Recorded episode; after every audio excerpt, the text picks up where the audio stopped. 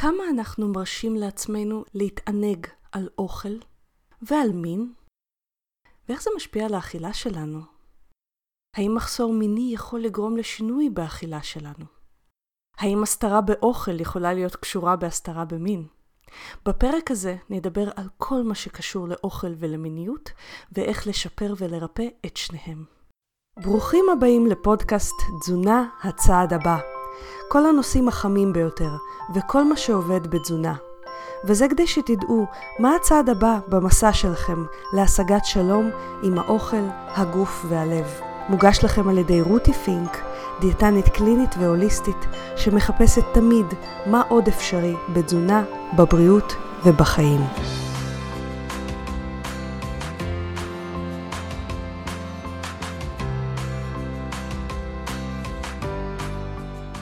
חברים, ברוכים הבאים לפודקאסט. למי שלא מכיר אותי, אני רותי פינק, דיאטנית קלינית והוליסטית, שעוזרת לאנשים לאזן משקל, סוכר ואכילה רגשית, בעזרת תזונה דלת פחמימות, צום לסירוגין וכלים פסיכולוגיים מגוונים. והיום הפרק שלנו יהיה נועז יותר מהרגיל, כי אנחנו נדבר בו על נושא שלא רבים מתייחסים אליו, ולפעמים אפילו נמצא בסתר, אבל לא בצדק, וזה הקשר בין מיניות לאכילה. כולנו אנשים מיניים, רובנו, כולנו אוכלים, ואני מבטיחה לכם, לאור זאת, שתצאו עם נקודות מבט חדשות, כי מי שמתארחת אצלי היום היא לא אחרת מאשר מיטל גבע אוחיון, שהיא מטפלת ומלמדת טיפול באכילה רגשית, היא דיאטנית קלינית ואינטואיטיבית, ומנחת סדנאות בנושא יחסי הגומלין בין אכילה ומיניות, שמאפשרת ריפוי בשני התחומים האלה. וכיוון שאנחנו נדבר היום על ריפוי בשני התחומים האלה, זה הזמן לציין שבפרק נזכיר בקצרה גם טראומות מיניות. אז אם אתם מרגישים שהנושא הזה יכול להיות טריגרי עבורכם, אנא שקלו אם מתאים לכם לשמוע את הפרק הזה. מתחילים. אז היי מיטל, איזה כיף שאת מתארחת אצלנו. היי, תודה שבאת. כיף לי גם. תודה שהזמנת. בשמחה. אני באמת הזמנתי אותך, אה, כי אני שמה לב בקליניקה ש... יש, יש משהו משותף בין uh, אכילה ובין מיניות.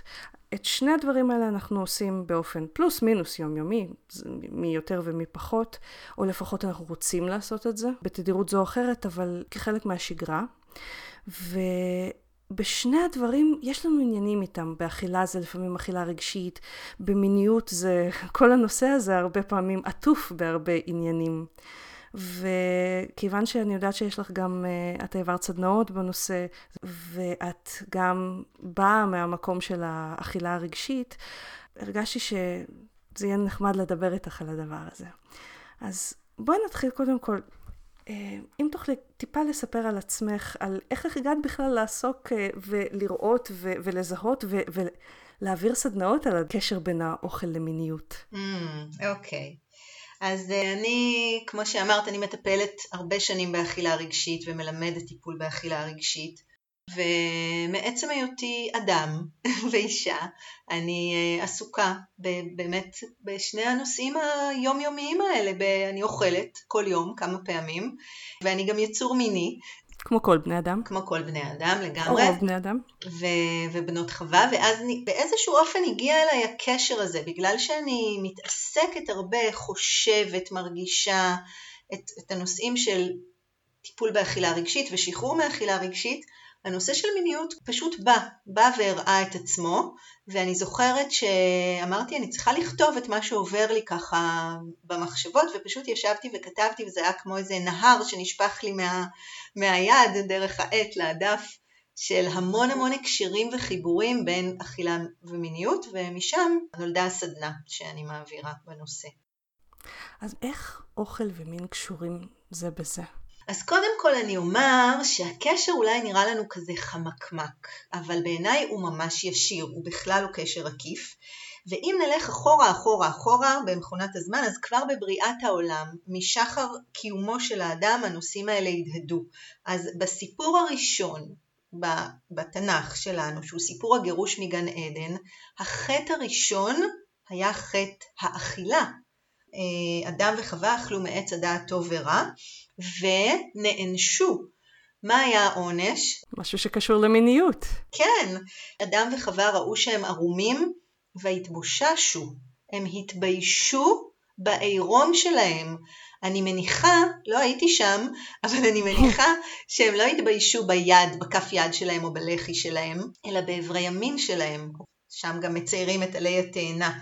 אז זאת אומרת שהחטא של האוכל היה שם, העונש של המיניות היה שם, ואת יודעת, אני הרבה פעמים שואלת את עצמי, אני רוצה לשאול אותך וגם את המאזינים שלנו, כמה אנחנו עד היום מתביישים בגוף שלנו, וכמה אנחנו עד היום מרגישים חוטאים בגלל האכילה שלנו. אני כמטפלת שומעת הרבה את המילים האלה, חטאתי, נפלתי, הגזמתי, בטוח גם. אז זה, זה בעצם התחיל כבר אז. עכשיו אני אחבר את זה למה קורה היום ואיפה זה פוגש אותנו בכאן ועכשיו ובואי נלך לגוף, אוקיי? אז יש איבר אחד בגוף שקשור גם לאכילה וגם למיניות. רוצה לנחש? מהו? אני יודעת. אני תוהה אם המאזינים מנחשים. אוקיי, אז טה-טה-טה-טה מתח בעלילה. אז הפה שלנו. איבר קטן וחמוד שיש לו הרבה מאוד תפקידים, גם אכילתיים, גם הבעתיים וגם מיניים. זאת אומרת, הפה הוא איבר רב חושי, והוא מחבר את, את שלושת הדברים האלה, את המיניות, את האכילה ואת הביטוי עצמי בקול.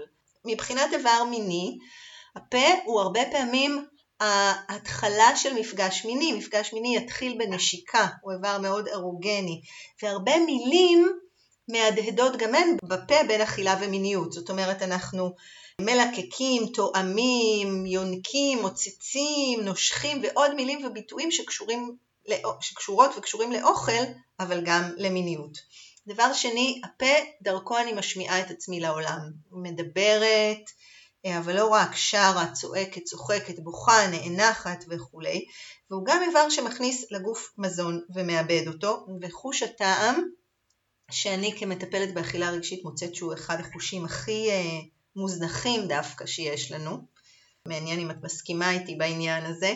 אני מסכימה לגמרי. כן. גם כל החוסר לגיטימציה להתענג על טעמים. לגמרי. חוסר תשומת לב לטעמים, לשינויים בטעמים. זה ככה, על קצה המזלג. ממש, אנחנו יודעים פחות או יותר מה אנחנו אוהבים ומה לא, מה טעים לנו ומה לא, וכשעושים אכילה מודעת, אז פתאום מגלים המון המון תגליות. כן, זה כל פעם מראה מחדש כמה ביומיום הוא מוזנח. הרבה פעמים אנשים חושבים שהם אה, אוהבים משהו והם יאהבו אותו בהכרח עכשיו, ואז כשהם שמים לב והם אוכלים את זה בצורה של תשומת לב, הם מגלים שוואלה, כרגע כרגע זה בכלל לא מה שאנחנו רוצים. נכון, או שזה מלוח לי מדי או מתוק לי מדי, וכשאני בתשומת לב אני פתאום שמה לב לדקויות, ואז הטעמים החזקים כבר פחות מתאימים. כן. חברים, אני עוצרת שנייה את הרעיון, רק לספר לכם שמה שדיברתי עליו הרגע, ההפתעה הזו שמגלים מה הגוף רוצה באמת כשאנחנו מתחילים להקשיב לו, בדיוק את זה אני מלמדת בקורס אונליין שנקרא לרזות בשפת הגוף. אתם תוכלו למצוא אליו לינק בהערות לפודקאסט. בקורס הזה אנחנו ממש לומדים איך לזהות לא רק מה הגוף רוצה, ואגב תתפלאו זה ממש לא מתוק כל הזמן, אלא גם איך לעבוד איתו כדי לרדת במשקל ולא לעבוד נגדו, איך לעבוד מהגוף ולא מהראש. מיטל גם תדבר על זה עוד מעט. למאזיני הפודקאסט יש הנחה של 20% לקורס בהקלדת הקופון פודקאסט באנגלית, עם C, פודקאסט.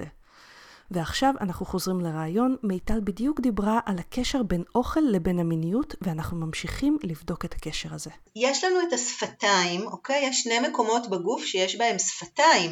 לפחות אה, אצל נשים. אצל נשים. ויש את שני אזורי העונג בגוף, שזה הפה ואיברי המין, תאווה ותיאבון, מילים מאוד מאוד דומות. עכשיו, לגבי שלושת התפקודים האלה שהזכרתי של הפה, מיניות, אכילה וביטוי עצמי בקול, הרבה פעמים כשאחד מהם יוצא מאיזון, או לא מאוזן באיזשהו אופן, האחרים יחפו עליו. למה אני מתכוונת? אני אגיד, ואני ככה מזמינה את המאזינים שלנו גם לשים לב אם, אם הם מזהים אצלם משהו מזה.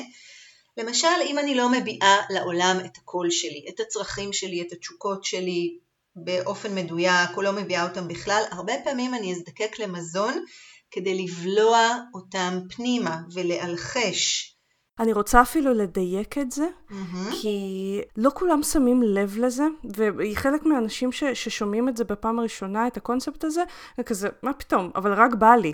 אבל זה לא רק בא לי, זה ברגע שעוצרים שנייה ובודקים, אבל רגע, למה בא לי לאכול בעצם?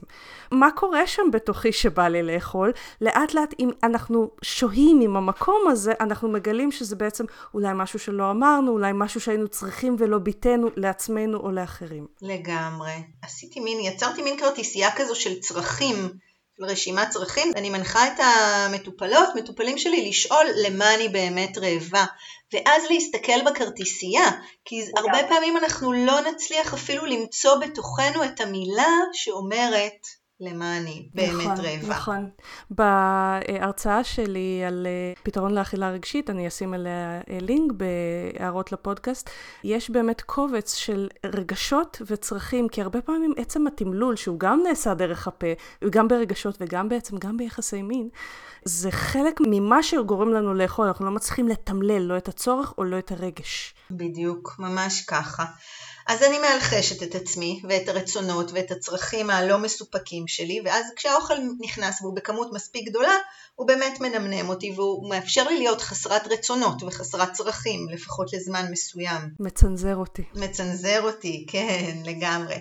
או אם יש לי חוסר דיוק במיניות שלי, ויכול להיות שאני לא מביעה את זה, אוקיי? אנחנו פוגשים את זה נגיד הרבה אצל, אצל נשים יותר שנוטות נניח, אה, רוצות משהו קשוב יותר, משהו מדויק יותר, שוב זה כמובן בהכללה גסה, אז הרבה פעמים מה שאנחנו נעשה כשהמיניות לא מדויקת זה לאכול יותר מדי, ואז אני מרגישה לא מינית, לא מושכת, כבדה יותר, ואז אני נמנעת ממיניות, נמנעת ממיניות עם, ה, עם האיש שאיתי, או בכלל ממפגש עם גברים, ויש פה תפקיד לתחושת הכבדות, לבטן הנפוחה, לפעמים לעודף המשקל שבא כתוצאה מהאכילה, והוא תפקיד הגנתי, הוא מגן עליי בעצם ממיניות.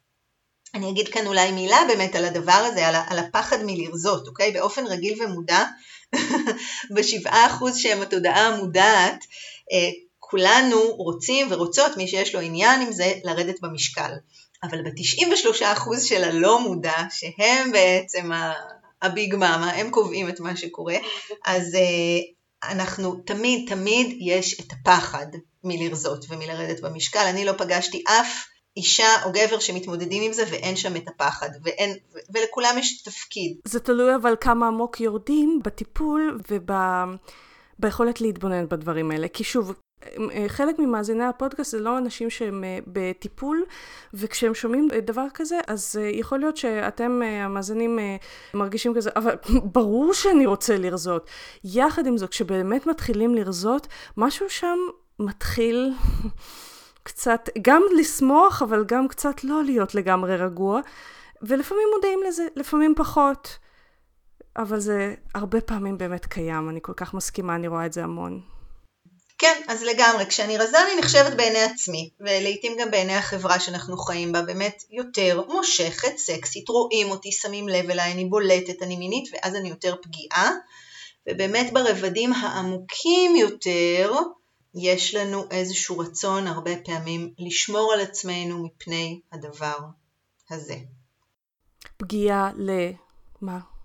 מה עולה שם כפגיעות? אני מכירה כמה דברים, אבל בטח... אני חושבת שזה גם, גם פה אפשר ללכת להיסטוריה. הרי במשך דורות על, גב, על גבי דורות לא היו חוקים כמו שיש היום, והיה אנשים אנסו ונאנסו, נבזזו ובזזו, שדדו ונשדדו, ו, והיו, פגיעות שם היו הרבה יותר אה, חמורות, וגם היום אנחנו רואים את זה מסביב אה, ושומעים את זה בחדשות. היום זה מחריד אותנו, אני חושבת אולי הרבה יותר מפעם, שזה היה יותר קונסנזוס אפילו באזורים מסוימים בעולם, ונפגענו רבות, ויש הרבה מה לרפא שם במקום הזה, ואני חושבת שהסטטיסטיקות אומרות שכמעט 100% מהנשים שחיות היום בתקופתנו, באזורנו, עברו משהו. איזושהי פגיעה, אוקיי? זה לא חייב כמובן להיות אונס, איזושהי פגיעה מסוימת. אז זה תמיד שם. זה גם המקום ש... שהרבה פעמים, אה, אם, אה, אם, אם זה טיפול שאפשר באמת להיפתח בו, שעולה הקשר כל כך בין אוכל לבין מיניות. נכון, זה עולה מעצמו. סביב עניינים של פגיעות מיניות. כן. מודעות יותר או פחות. נכון. לפעמים זה לא פחד מפגיעה מינית. פגשתי נשים שפחדו מקנאה של נשים אחרות, מבגידה בערכי המשפחה.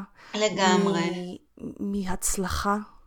Mm-hmm, לגמרי, כן. הנושא של שייכות והשתייכות, אני זוכרת מטופלת שאמרה לי, אימא שלי שמנה ואחותי שמנה והיא הרגישה יותר מוצלחת מהן בכל מיני פרמטרים, והיא אמרה לי, איך אני יכולה גם, בנוסף לכל זה, גם להיות רזה.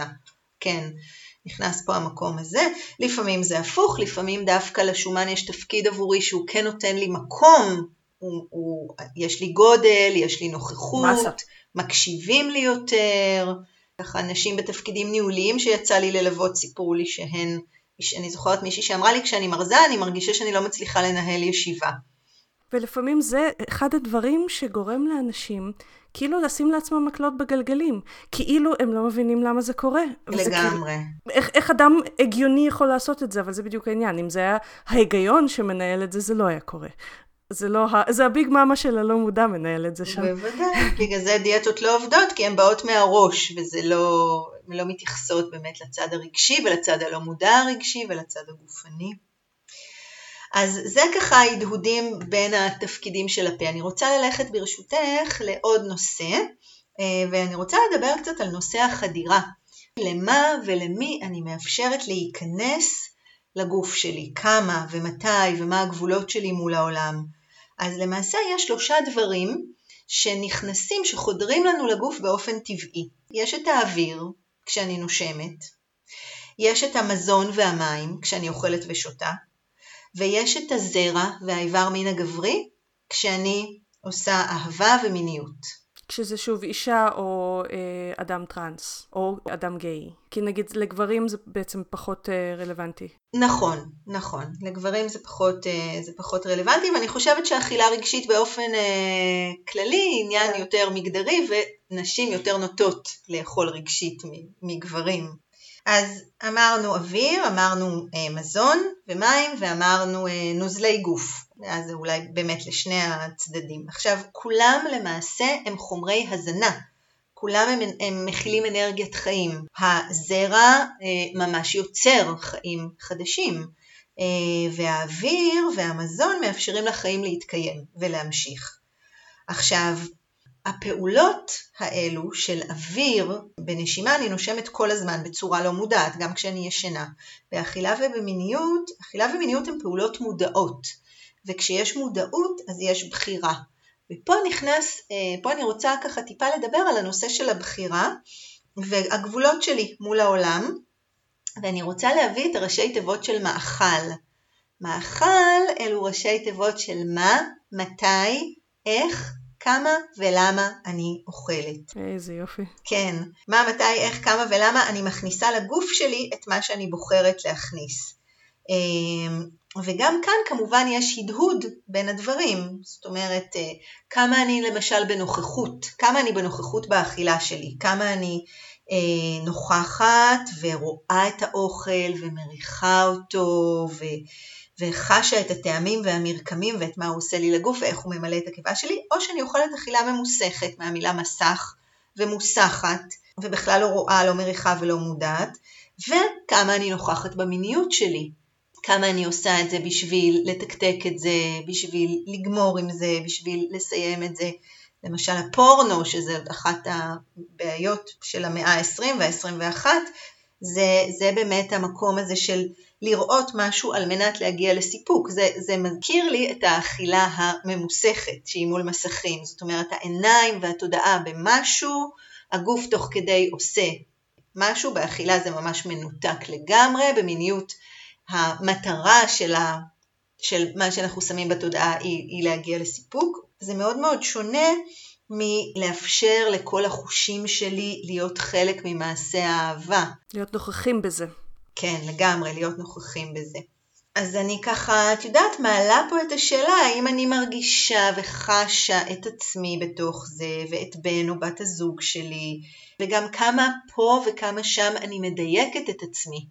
גם לגבי המתי, וגם לגבי הכמה, וגם לגבי ה... לומר לא לאוכל ובתוך מיניות, ולומר כן לאוכל ובתוך מיניות, ולגבי האיך והדיוקים האלו, זה ממש כל המאכל. ויכול להיות שחלק מהמאזינים, כשהם שומעים דבר כזה, אז הם אולי אפילו עולה להם מין תחושה כזאת של למה אני צריך או צריכה להתעסק עם כל הדברים האלה? הרבה יותר קל ללכת לתפריט. אבל זה בדיוק הדברים שמפרידים בין היכולת להיות קשובים לעצמנו ולפעול מתוך משהו שמחובר אל עצמנו, מתוך הרצונות שלנו, מתוך זיהוי הרצונות שלנו, לגיטימציה של הרצונות שלנו, והיכולת להיות בתוך הרצונות שלנו, to own them, לעומת uh, תפריט שהוא משהו מאוד מאוד חיצוני, כמו הפורנו, כמו ה...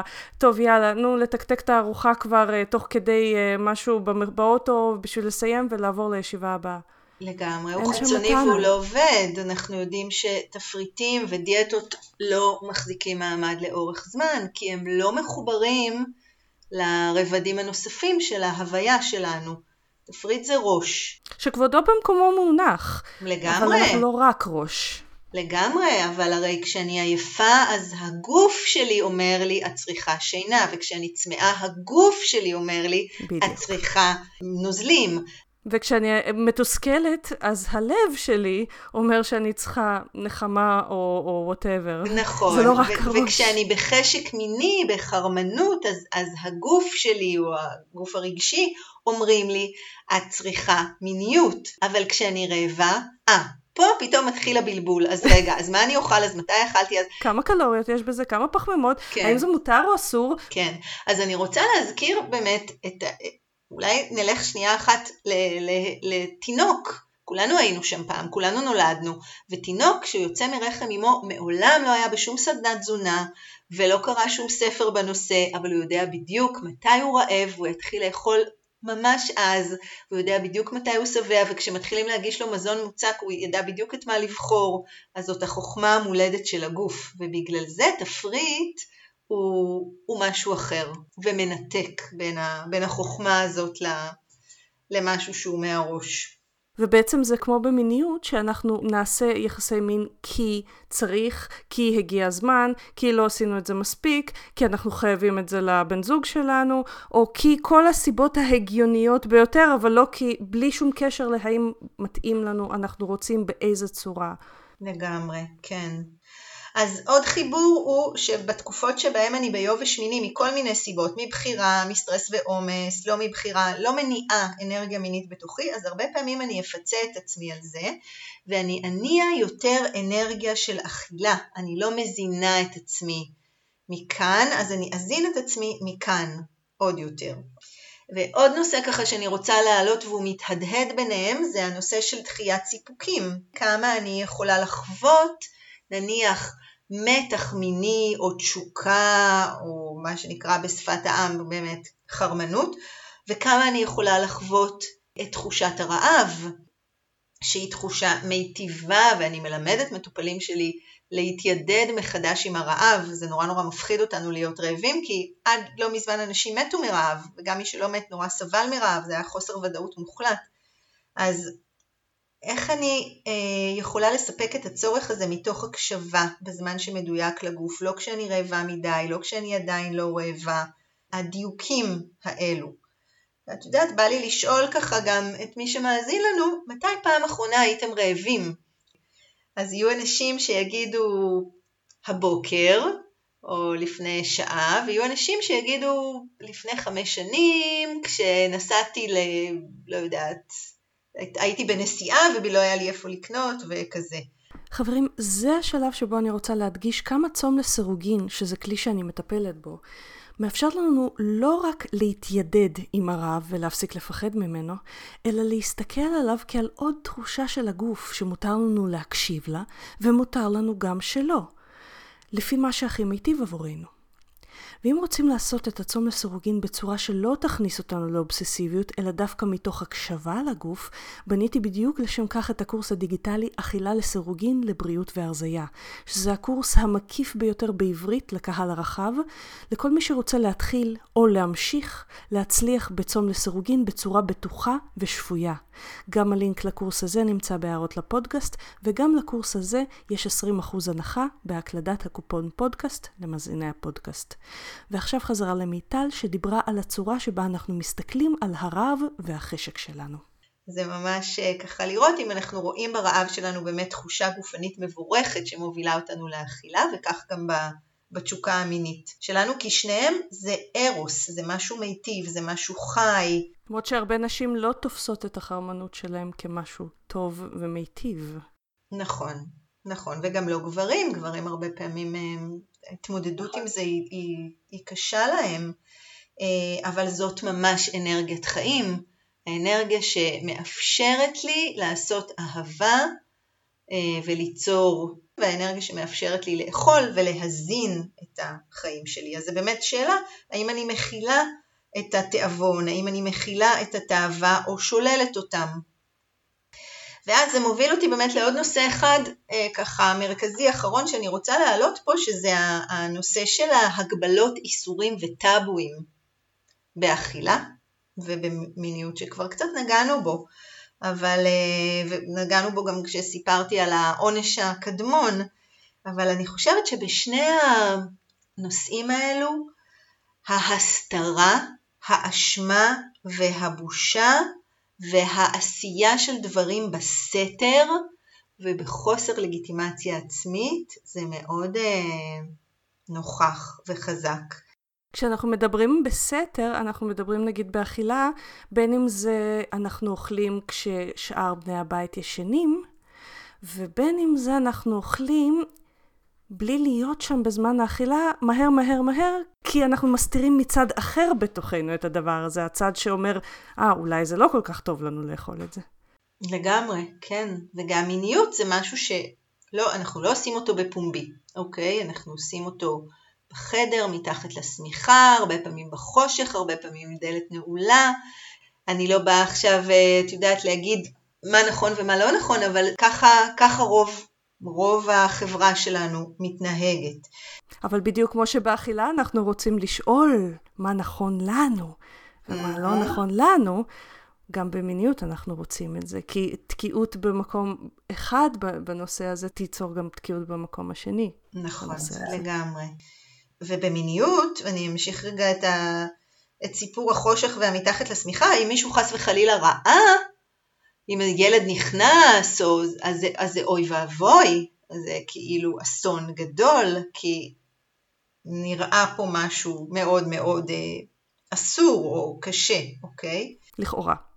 כן, אז אני שוב אגיד שכולנו היינו הכל לאורך הדורות והשנים, ונוצלנו וניצלנו, ולקחנו איתנו משם הרבה אשמה ובושה והרבה אמונות מגבילות שיושבות על פחד, והרבה מאוד מילים שכבר קצת הזכרתי, קשורות לשני הדברים האלו, אה, הפקרות, שחיתות, פיתוי, את יודעת, יש כל מיני פרסומות רואים את זה בפרסומות לאוכל, אני עולה לי בראש איזה פרסומת לגלידה, נגיד שראו את הגלידה ככה נוטפת על הסנטר ועל הצוואר של האישה והשפתיים שלה כמובן אדומות ומלאות והכותרת הייתה אה, פיתויים או חטאים מתוקים.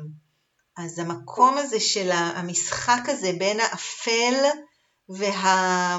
והמואר, האסור והמותר, זה מאוד מהדהד בין מיניות ואכילה. המים הגנובים ימתקו.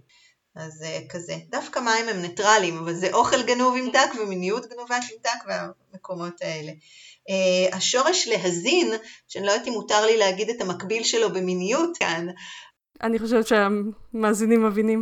כן, אז, uh, אז זהו, אז השורש הזה, איבר המין הגברי, שאפשר להפוך אותו מכלי זין שהוא כלי מלחמה למשהו שהוא מזין.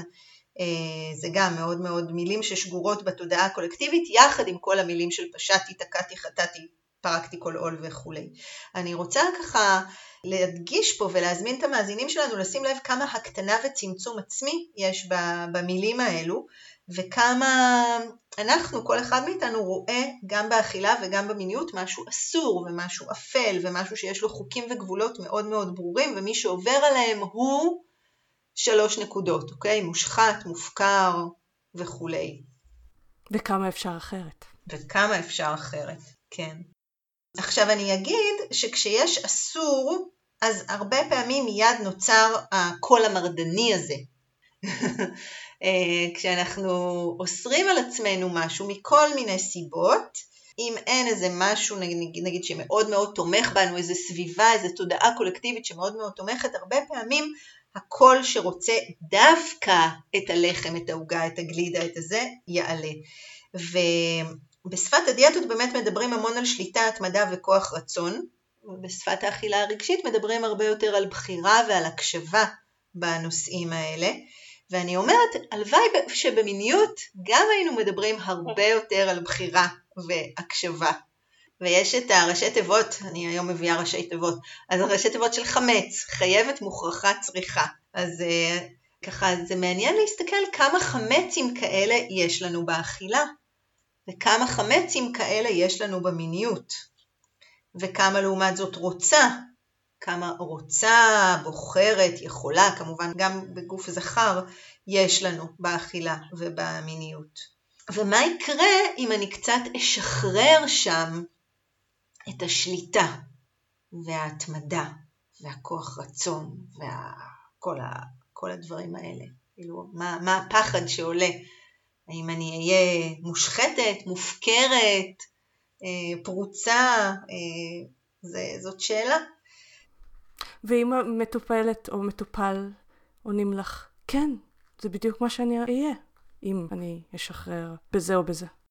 אז, אה, אז זה מעולה, אני שמחה שזאת התשובה, כי זו תשובה שבאה כמובן ממקומות אה, לא מודעים, ואז אפשר לעבוד על זה, על, ה, על האמונות החוסמות האלה, שאומרות אם אני אשחרר שליטה, אני עלולה להיות כל הדברים האלו, וגם לעבוד על מה זה בכלל, מה זה, מה זה מושחתת, מה זה מופקרת, מאיפה זה בא, אוקיי? זה שוב לוקח אותי אחורה, אנחנו היום הולכים הרבה אחורה בזמן, לתקופת ציד המכשפות באירופה, שנשים אה, נסכלו והומתו בכל מיני צורות אה, יצירתיות ומשונות אה, בשל היותן נשים אינטואיטיביות, יצריות, מיניות, גם גברים וילדים הומתו דרך אגב, אבל זה, כן, זה חלק מהעניין, יש שם הרבה מאוד פחד.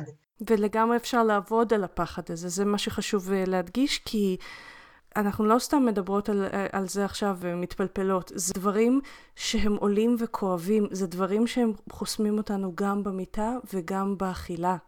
וברגע שהאמונות האלה משתחררות מאיתנו, משהו באכילה נרגע, משהו במיניות נרגע. אנרגיית החיים שלנו עולה, הסיפוק שלנו מהאוכל ומהחיים ומה, שלנו עולה, כי אנחנו יותר בקשב לעצמנו, ולא לאמונות שהחליטו בשבילנו, ואולי בכלל לא מדויקות לנו. כן, לגמרי. לגמרי. באמת השחרור שליטה הזה עושה, הוא מאוד מפחיד, וכשעובדים עליו ומאפשרים אותו הוא עושה המון טוב.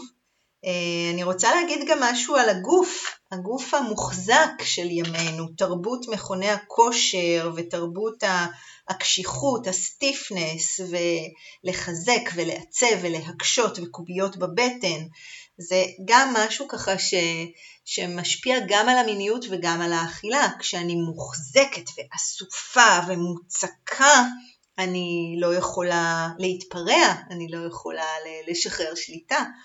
אז אני ככה רוצה להזכיר את זה שלמילים יש עוצמה אדירה והן יוצרות מציאות, ו- ולכן שווה שנשתמש גם באכילה וגם במיניות במילים שיוצרות עבורנו מציאות מיטיבה. למשל המילה התענגתי.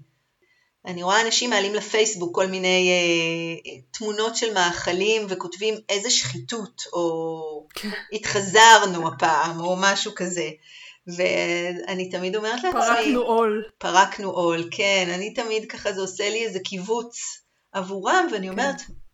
וואו, אם הם היו כותבים איזה עונג, או איזה כיף, או אה, שמחה, חדוות האכילה, איזו מציאות זה היה יוצר. כמה שחרור זה מביא. כן, כן, לגמרי. אני כל כך כל כך מתחברת למה שאת אומרת, ואני רוצה אפילו לכוון את המאזינים שלנו, שאולי זה כן פותח להם איזשהו פתח ש- שהם לא חשבו על להסתכל לתוכו, איך מתחילים עם הנושא הזה? אוקיי, אני מזהה או מזהה שיש לי אכילה רגשית, או יש לי איזשהו עניין עם אכילה, או שאני מזהה או מזהה, או יודע שיש לי איזשהו עניין במיניות. מאיפה להתחיל לגעת בזה בכלל? מאיפה להתחיל לשים לב לזה? איך, איך מתחילים בעצם? אם תוכלי לת, לתת כמה טיפים. אז אני בשמחה. אני, אני אישית לא אוהבת את המילה טיפים, אבל אני אתן טיפות. זה כמו טיפות שמשקות זרעים, ואז הזרעים נובטים, זרעים של תשומת לב. מקסים. כי תשומת לב בסופו של דבר מביאה לבחירה ולשינוי. אז אה, דבר ראשון, אה, לשים לב למקומות שבהם אני מפצה את עצמי על מיניות או על חוסר של מיניות באכילה. שבהם אני למשל מרחיקה ממני מיניות על ידי אכילה, ואז לשאול את השאלה, שהיא שאלת מפתח בעיניי, למה אני באמת רעבה. לפעמים התשובה תהיה לביטחון, הצורך שלי יהיה נגיד לא באוכל אלא בביטחון, לא באוכל אלא כן במגע ובמיניות, אוקיי? אז למה אני באמת רעבה או רעב? אז זה ככה טיפה ראשונה. אה, עוד טיפה זה לראות כמה אנחנו אה, יכולים ורוצים לשחרר את הדבר האחרון שדיברנו עליו, שהוא הגבלות, איסורים וטאבואים. ככה ולא ככה, כי צריך, גם במיניות וגם באכילה. ובהתאם לאט לאט להחליף את השפה משפת השליטה וההקפדה, משפה שגוערת בעצמנו, לשפת הבחירה וההקשבה, שזו שפה שתומכת בעצמנו. למשל, אה, אני אוכלת יותר מדי, עוברת את נקודת השובע שלי, ואני אומרת לעצמי, אני מכירה אנשים שאת שאומרות על עצמם, משתמשות בכל מיני מילים של אה, בעלי חיים, וואי, איזה פרה, איזה חזירה אני, או אין לי כוח רצון. אז אה, אפשר להחליף את המילים האלה ב... וואו, היה לי פה צורך אנושי להתמלא עוד, למלא, למלא את עצמי יותר מדי, מתוך משקפיים של חמלה, ולא מתוך משקפיים של... Yeah. אה, או uh, באמת מה שאמרנו קודם, המילים מילים כמו uh, הפקרות, שחיתות, הגזמה, לפרוק עול, ומילים כמו עונג, כיף, הנאה, שמחה, הקשבה. וטיפה שלישית ואחרונה זה לשים לב למאכל. אני אזכיר שוב את המאכל, זה מה, מתי, איך, כמה ולמה אני אוכלת, גם באכילה וגם במיניות. ומתוך זה כמה שאני יכולה, כמה שאפשר לעשות אהבה באהבה ולאכול באהבה. אה, שהאכילה וגם המיניות יהיו חושיות וחושניות ו- ונהיה בכאן ועכשיו, נהיה נוכחים ונוכחות בהם. לגמרי, לגמרי, לגמרי. אז מיטל, אנשים ש- שהסתקרנו ו- ורוצים עוד ממך, אני בטוחה שיש כאלה. איך, איך הם מגיעים אלייך? על מה את עובדת עכשיו? מה הדברים הבאים שאת הולכת לעשות? מעולה. קודם כל אפשר למצוא אותי בפייסבוק, מיטל גבע אוחיון בעברית. אנחנו נשים לזה לינק. כן, יש את הקבוצה החינמית ש... כולם מוזמנות ומוזמנים להצטרף אליה, היא גם לגברים, שמה הוא משתחררות מאכילה רגשית עם מיטל גבע אוחיון. אה, ויש שני דברים שאני רוצה להזמין אליהם באמת, ואחד מהם זו סדנת אכילה ומיניות שתתקיים אונליין ומאפשרת העמקה לתוך התכנים האלו שהעלינו היום ויחסי הגומלין וריפוי של האכילה דרך המיניות והמיניות דרך האכילה, זו סדנה מרתקת אה, ואחרי אה, פסח באפריל אה, נפתח מסלול העומק לשחרור מאכילה רגשית שהוא שלושה חודשים של ליווי שלי ושל המנטוריות שעובדות איתי לשחרור מאכילה רגשית, גם כדי לאפשר למאכל להיות, להיות מדויק ושמח וקשוב ונעים ופחות אנרגיות של, של סבל. מה, או מתי, איך, כמה ולמה, אני רק מזכירה. גם לזה כמובן נשים לינקים. כן, ואני עובדת באופן פרטני, אפשר אה, לפנות אליי דרך, ה, דרך הפייסבוק, וזאת גם אפשרות למי שלא בעניין של אה, תוכניות אונליין. מיטל היה תענוג אחד גדול, ומי ייתן והשיחה הזאת תפתח לאנשים עוד, עוד מימד שהם לא חשבו עליו אה, לפני כן ביחס לאכילה, ויהיה הרבה עונג בעולם. אמן, אמן ואמן, אני מצטרפת בכל לב לברכה הזאת, כמה שאנחנו יכולים להביא ריפוי זה מבורך, וכשאנחנו מרפאות ומרפאים את עצמנו, אנחנו מרפאות ומרפאים את העולם. אז המון תודה שהזמנת אותי. אז אני מקווה שנהניתם מהפודקאסט היום. אם אתם רוצים להיות בקשר או לשלוח שאלות לפודקאסט, אתם ממש מוזמנים לבקר באתר של הפודקאסט rutifink.com, פינק כמו F כמו פנטזיה, rutifink.com/פודקאסט. אתם גם מוזמנים לחפש אותי ביוטיוב, יש לי ערוץ מלא בסרטונים על תזונה דלת פחמימות וצום לסירוגין, פשוט חפשו רותי פינק ביוטיוב. יש לי גם ערוץ באינסטגרם, פשוט חפשו רותי פינק באנגלית, שוב F כמו פנטזיה. אתם ממש מוזמנים לעקוב אחריי גם בפייסבוק. אתם יכולים לחפש אותי פשוט בעברית, רותי פינק, או להיכנס לאחת משתי הקבוצות שאני מנהלת, דלי פחמימות ישראל, והקבוצה צום לסירוגין עם רותי פינק. ואנחנו נשתמע שבוע הבא. תודה שהקשבתם לפודקאסט תזונה הצעד הבא. אני מקווה שנהניתם. חשוב להדגיש שהמידע בפודקאסט מוענק לצורכי העשרה בלבד, והפודקאסט לא מהווה בשום צורה תחליף לייעוץ או טיפול אישי. בכל בעיה רפואית או נפשית יש לפנות למטפל מוסמך. ואנחנו ניפגש בעוד שבועיים.